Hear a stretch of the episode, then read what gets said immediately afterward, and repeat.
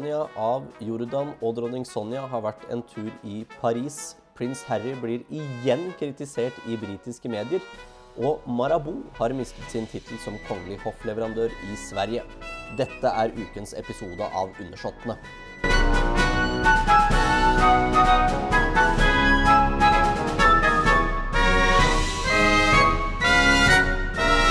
Jeg heter Ole Jørgen Schulzer Hansen, og jeg sitter ikke her alene. Jeg har fått med meg forfatter og Nettavisens kongehuskommentator Tove Tollesen. Velkommen. Tusen takk for at jeg får være gjest hos deg igjen. Ja, dette begynner, dette begynner å bli gjentagende. Og veldig hyggelig, syns jeg. Og særlig at vi skal snakke om dagsaktuelle temaer òg. Det tenker jeg eh, er spennende for lytterne også, som kanskje ikke er like på en måte observante på hva som skjer i media som det du og jeg er. Så jo, da går man i hvert fall ikke glipp av de highlightsene når det gjelder eh, kongelig i Europa ved å høre på din podkast, og det er spennende. Det er, det, det er, godt å høre at vi, vi kan være en kilde til, til nyheter om, om, de kongelige, i hvert fall her i, til, til, til, våre norske lyttere, da. Eller de andre som forstår nordiske språk. Du har jo eh, vært en tur i, uh, i, i, landet, og da hovedstaden til det landet som startet å skjære huna av kongelige. Eh, og der har du egentlig blitt hindret til å gjøre ting av kongelige. Det var helt riktig, Ole Jørgen. For jeg har jo vært i Paris på en, eh, den største internasjonale interiørmessen, Messobie. Eh, og da skulle jeg på en utstilling eh, på messeområdet, og ble da forhindret å gå på den utstillingen fordi dronning Rania av Jordan og hennes hoff var til stede og gjorde innkjøp, fikk jeg beskjed om. Så det var jo interessant. Men ikke nok med det, så tenkte jeg jo at jeg skulle ta meg en tur på La Galerie Dior for å på en måte eh, lære litt mer om fashion-historie. Og da igjen så sto eh, gata fylt opp med sorte biler og menn med propper i øret. Eh, og da var det da selveste dronning Sonja og dronning Rania Jordan som var i Paris i forbindelse med Paris Fashion Week. Og da kunne vi jo lese i norske medier også at dronningen hadde jo tatt med seg barnebarnet sitt til eh, Paris. Eh, og det tenker jeg jo er ganske kult for en uh, ung pike eller ung kvinne å få lov til å reise med bestemor til Paris og sitte på første rad på Dior sin visning. Det er litt av en bestemor dronning Sonja er. Det syns jeg er ganske kult. Det er åpenbart noe som ligger i genene her, med, med, med mote og, og, og, klær, rett og slett. Både da fra, fra, faren til dronning Sonja, som var kvinnekonfeksjonshandler, dronning Sonja som er utdannet det, i Er det Sveits? Sveits, ja. Tok, ja, tok utdannelsen sin. Uh, mm. Og nå da Lea Isadora Ben, som, uh, som ja. kaller det jobber med det, på en måte. da. Så så det blei ble litt skriverier over at dronning Sonja på denne Dior-motevisningen hadde hatt med seg en Chanel-veske. Ja. Men, det er Jeg, tenker, eh, jeg syns det er ganske kult, ja, for det betyr bare at hun er, hun er dronning. Hun eh, er veldig motebevisst, og jeg tror ikke det er noe tilfeldigheter at det var en feil at hun hadde den vesken. Jeg tenker at det er hennes favorittveske, vil jeg tro. Og da bruker hun favorittvesken sin uavhengig av hvor hun egentlig er. Og det, da har du jo, syns jeg, integritet, da. Ja, er, jeg, jeg, kan, jeg, kan, jo forstå at uh, Jo, det er integritet, men det er litt gøy også. Det er litt som å ta med seg en, med seg en Macbook inn til styremøtet i Microsoft. Uh, og ja, det syns jeg det, det, er noe veldig tøft med det at Nei, veit du hva, det bryr jeg meg ikke om. Dette er veska ja. mi. Så. Og, så, og, så, hadde hun jo lånt bort eh, en av Dior-veskene sine til uh, Lea, og det tenker jeg også er kjempe fint i forhold til hvis vi tenker på dette med gjenbruk og vintage, eh, at eh, det går i arv. Og det vet vi at de kongelige er ganske gode på. Både i forhold til klær og, og tilbehør. Eh, og da hadde jeg bare også egentlig lyst til å si én ting i forhold til den interiørmessa. fordi dette er jo i Paris, og som du introduserte det for, det var jo der de kongelige ble kappet av hoder. Og det jeg syns var ganske interessant, var at når man så på trendbildet på interiør, så er det faktisk veldig mye kongelig eh, i, i interiøret og, og altså dekorelementene.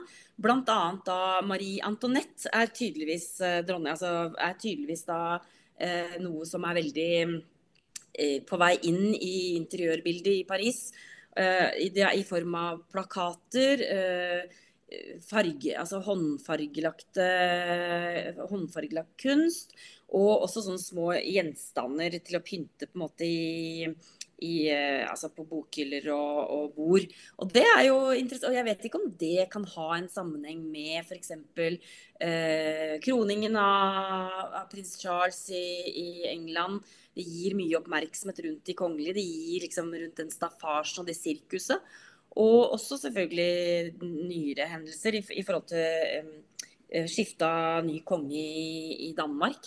Så det syns jeg var liksom litt interessant at, eh, at eh, men så er, å se det. Og samtidig så er det jo selvfølgelig øyet som går rundt og ser. Den, jeg som er interessert i kongestoff, ser kanskje lettere kongestoff enn det andre på den messa gjorde.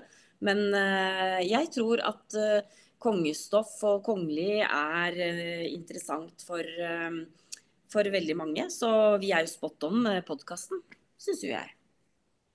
Tror du det bare er i utlandet at våre norske kongelige kan eh, Hva skal man si? Liksom vise frem sin rikdom på en eller annen måte? Liksom med da Chanel og Dior-vesker og, og, det som er. Hadde det gått like godt hjem her i Norge?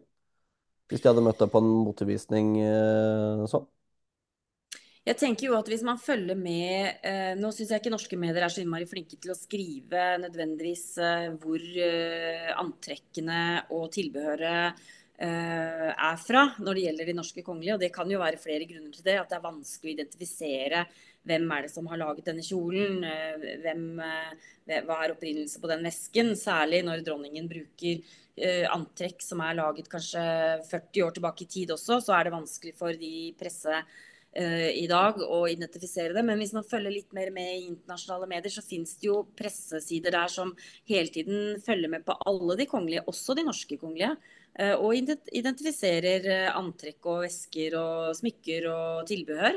Og vi vet jo at både dronningen og, og kronprinsessen bruker eh, hot couture fra flere franske motehus og italienske motehus og spanske også.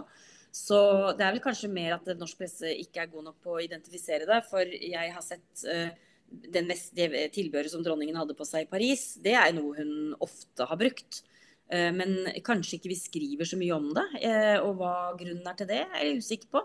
Men det er kanskje litt med den norske mentaliteten at vi ikke skal flashe, eller at vi skal Eh, snakke så mye om det. For det, det er jo enormt kostbare produkter, eh, dette her. Eh, det er jo ikke vesker til et par tusen kroner.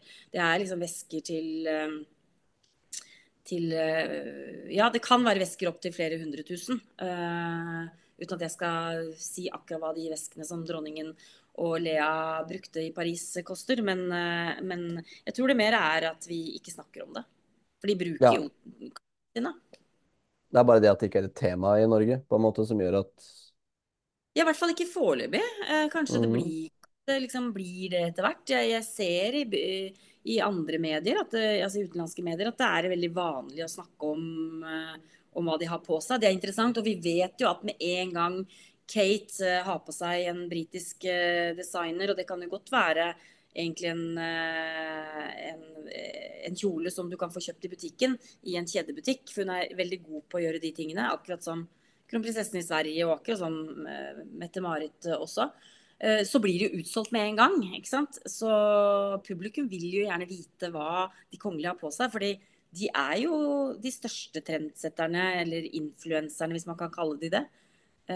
selv om de ikke kaller seg det, så er det jo definitivt de rollemodellene uh, man ser til. Uh, de vet jo hva som rører seg i, i um, trendbildet innen mote, og har, har, jo all tilgang, da. Uh, for det er jo ikke hvem som helst som blir invitert til å sitte på første rad på de årvisning. Det er, det er liksom, Da er hun i selskap med Rihanna og den kategorien. Så det er jo ikke for meg og deg. I hvert fall ikke for meg. Så Nei, jeg forstår jeg... meg ikke på mote, så det hadde ikke vært for meg heller. Nei, jeg skulle gjerne sittet der, så hvis du kan fikse en, eh, en invitasjon, så takker jeg mer enn gjerne ja til det. Men eh, jeg tenker at det gjør jo at vi blir interessert i hva de har på seg, fordi de er jo liksom fremst inn i trendbildet. Og fremst eh, De går jo foran, og vi ser og lærer og, og etterligner og gjør så godt vi kan, da. Så øh, dronningen har en, og kronprinsessen også, har en betydelig garderobe av eh, gallakjoler og, og klær eh, fra internasjonale designere, men selvfølgelig også norske designere, for de er jo politisk korrekte. Så de er jo gode på å bruke norske smykker og norske Vi vet at uh, kronprinsessen har brukt uh, norske altså gallakjoler uh, laget av, av, norske merker, så, eller norske um, designere. Uh, og jeg tror faktisk også dronningen på den visningen i Paris hadde på seg smykker laget av en norsk eh, designer. Og det er jo kjempefint. Ja, det er jo, det er jo bra, holdt jeg på å si. Da er du både ambassadør uh, ut, men også på motevisning, på en måte. Det ja. er sånn det bare, bare, må være. Men du nevnte jo, nevnte dette landet rett over kanalen for, for Frankrike, Storbritannia. Der er jo stor ståhei nettopp på grunn av Catherine, fyrstinnen av Wales, eh, mm. og disse helseoppdateringene som har eh, kommet. Nå tok vi jo dette litt i, litt i forrige episode, men i kjølvannet av det så har jo kritikken mot prins Harry blusset opp igjen. Mm. Nettopp fordi at han ikke har uttalt seg noe om det, ikke kommet med noen lykkeønskninger, ikke kommet med noe med noe uttalelse rundt det at kong Charles skal opereres uh, den uken her, var det vel for, mm. uh, for en uh, forstørret prostata. Og at han nå da har vært på en tur til Bare Jamaica, vel? Som gjerne ja, vil Som gjerne vil kaste og avsette monarkiet i det landet, da. Mm. Jamaica er jo uavhengig og har Det blei vel uavhengig en gang på 60-tallet, tror jeg, men hadde mm. likevel dronning Elisabeth som monark. Mm. Og så da eh, er prins Harry der nå og for å For å Ja, på noen sånne offisielle besøk eller noe sånt. Og blir jo sett på da som en sånn rak finger rett tilbake igjen til Storbritannia. Det var vel en britisk kommentator som sa det at de oppfører seg som flyktninger fra en autoritær stat. Eh, på måten de liksom drar nå for å prate med eh, motstandere av den institusjonen de har flyktet fra. Altså, jeg har jo på veldig mange måter egentlig nesten gitt opp å forstå egentlig motivasjonen til Harry og Meghan. Og jeg har, klarer ikke helt å forstå den konflikten heller. Men jeg tenker jo at man skal jo være litt forsiktig med å hele tiden eh, tolke alt han gjør i altså, verste mening. Og vi vet jo ikke om han har sendt eh, lykkeønskninger privat, da, som kanskje ville vært den naturlige delen å gjøre hvis eh, man ønsker å sende en hilsen til far så, eh, og, og svigerinne, så ville man vel kanskje gjøre det privat enn å gjøre det via The Sun eller en eller annen tabloidavis. Så, så vi vet jo ikke hvor mye kontakt det egentlig er i familien. Det vet vi jo ikke. Uh, og vi vet jo at sånne offisielle besøk planlegges jo i veldig veldig lang tid i forkant. Også når det gjelder Harry, vil jeg tro. Uh, for han har vel også en uh, kanskje, eller kanskje ikke, en busy timeplan. Kanskje han egentlig ikke har så veldig mye å gjøre, bare kaster seg rundt på det han kan. Men Det er i hvert fall sånn de britiske mediene liker å fremstille det som. At han ikke har så mye å gjøre. Jeg tenker jo at jeg, jeg, jeg, håper jo eh, at han eh, lever eh, på en måte et liv han ønsker å leve, og at han er fornøyd i det livet. Og at han er sysselsatt og har meningsfylte arbeidsoppgaver. Og at ikke hans fremste mål i livet er på en måte å rakke ned og ødelegge monarkiet. Det, det, det, håper jeg jo ikke at det er. For da tenker jeg jo at det er noe annet som er gærent. Men hvis det liksom er hans liksom, mål i livet. Så, så vi, jeg liksom prøver å tenke at han er et godt menneske i utgangspunktet. Men britisk media ønsker jo å fremstille han som en skurk. Um, og det har jo gagnet monarkiet ganske bra i Storbritannia. Da, at de har liksom fått en Hele nasjonen og det britiske kongehuset har fått en felles fiende eh, som alt eh, blir rettet mot. Som gjør at eh, oppslutningen rundt eh, kong Charles har jo aldri vært høyere. Eh, og eh, William og Kate de fremstilles jo som helgener i, i britisk presse, til tross for de små ryktene om både det ene og det andre. Så fremstilles de jo som et liksom et power uh, couple som, som står liksom klare til å ta over ved neste korsvei. Så sånn sett så har jo problemene med Harry har jo egentlig gagnet det britiske kongehuset i mine øyne. Så vi får bare la han holde på.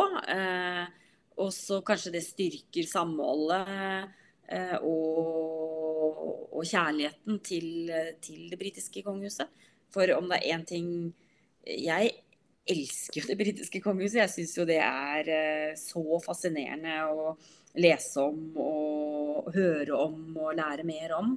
Eh, så la prins eh, Harry kjøre på. Og så ønsker jeg Kate det aller, aller beste, og jeg håper at hun får lov til å være i fred. Og, og håper at hun ikke er så syk som mediene spekulerer i, og sosiale medier spekulerer i. For der går det jo de villeste rykter om all slags Ja, de er helt, helt rå, på, rå, på, det. Ja. Vi skal holde oss, eh, holde oss litt, i, litt, i, Storbritannia òg, for der uh, har enkehertuginnen av, uh, av Rutland har gått bort. Hun var gift med Charles, den tiende hertugen av Rutland, som døde vel i 2001 eller 1999, tror jeg. Uh, hun er ikke så veldig kjent. men Uh, moren hennes, derimot, til den, til den uh, avdøde uh, enkehertuginnen, er veldig kjent. I hvert fall i, i Storbritannia. for enkehertuginnen var datter av Margaret, hertuginnen av Argyle. Og hun var veldig kjent for sin skilsmisse fra Ian, den ellevte hertugen av Argyle, i 1963. Og denne skilsmissen eh, og den saken som kom etterpå, ble filmatisert for noen år siden eh, i filmen A Very British Scandal med Claire. Foyvel, som spilte mm. dronning Elisabeth i de første sesongene av The Crown, som da spilte Margaret Campbell. Eh, for hun ble vel omtalt av dommeren som både promiskuøs og ledet av lyst, eller et eller annet sånt, i, i skilsmisseoppgjøret. Det er ved første gangen at britiske medier har fått sett nakenbilder av en adelig person. Eh, for de ble brukt som i bevisførselen under rettssaken. Eh, så en veldig sånn fargerik type, da. I, ifølge britiske medier så hadde ikke denne enkehertuginnen så veldig mye kontakt med, med mora si etter, etter den rettssaken, nettopp fordi at det ødela både hennes mors og hennes døtres rykte, da. Men eh, det Og denne enkehertugen er da altså mor til da den ellevte hertugen av Rutland, som var litt eh, vonbråten over at han ikke ble invitert til kong Charles eh, og dronning Camillas eh, kroning. Så det har vært en del Rutland i mediene de, det siste året. Altså, dette var veldig interessant, for jeg, den eh, skandalen der har ikke jeg fått med meg på samme nivå som deg. Men jeg tenker sånn, det er vel ingen skandale at, eh, at kongelige eh, at kongelig utroskap foregår, at kongelig At de kongelige har elskere og elskerinner, og at det foregår mye rart bak de tykke slottsmurene. Eller de tykke hertugmurene. Så, men, men eh, Det var ganske det nytt at, eh, at, det ble tatt offentlig, da. Ja, og bilder er jo også interessant, særlig også kanskje at det var en kvinne som ble omtalt også, jo For konger er jo vant til å få lov til å gjøre som de vil. Det er helt riktig. Mm. Og helt, eh, helt sånn til, til, slutt så må vi jo nevne da at eh, sjokoladeprodusenten Marabou har mistet sin tittel som hoffleverandør til det svenske hoff. Kan jo spekulere litt i om det har noe med at de var litt trege med å trekke, trekke seg ut av, av Russland. De har jo nå skilt måte den vestlige delen og den russiske delen veldig klart fra hverandre, så det ikke skal være noe, være noe uh, farlig for å bli, bli omtalt som da uh, Hva skal man si? Uh, Ikke-vennligsinnede firmaer av Ukraina. Men de ble jo det en, en, liten periode der, og nå har de mistet da tittelen som hoffleverandør. Men det var ifølge det svenske hoffet så var det fordi at de ikke hadde eh, bruk for Marabous tjenester lenger. Ja, det var jo en diplomatisk måte å si det på.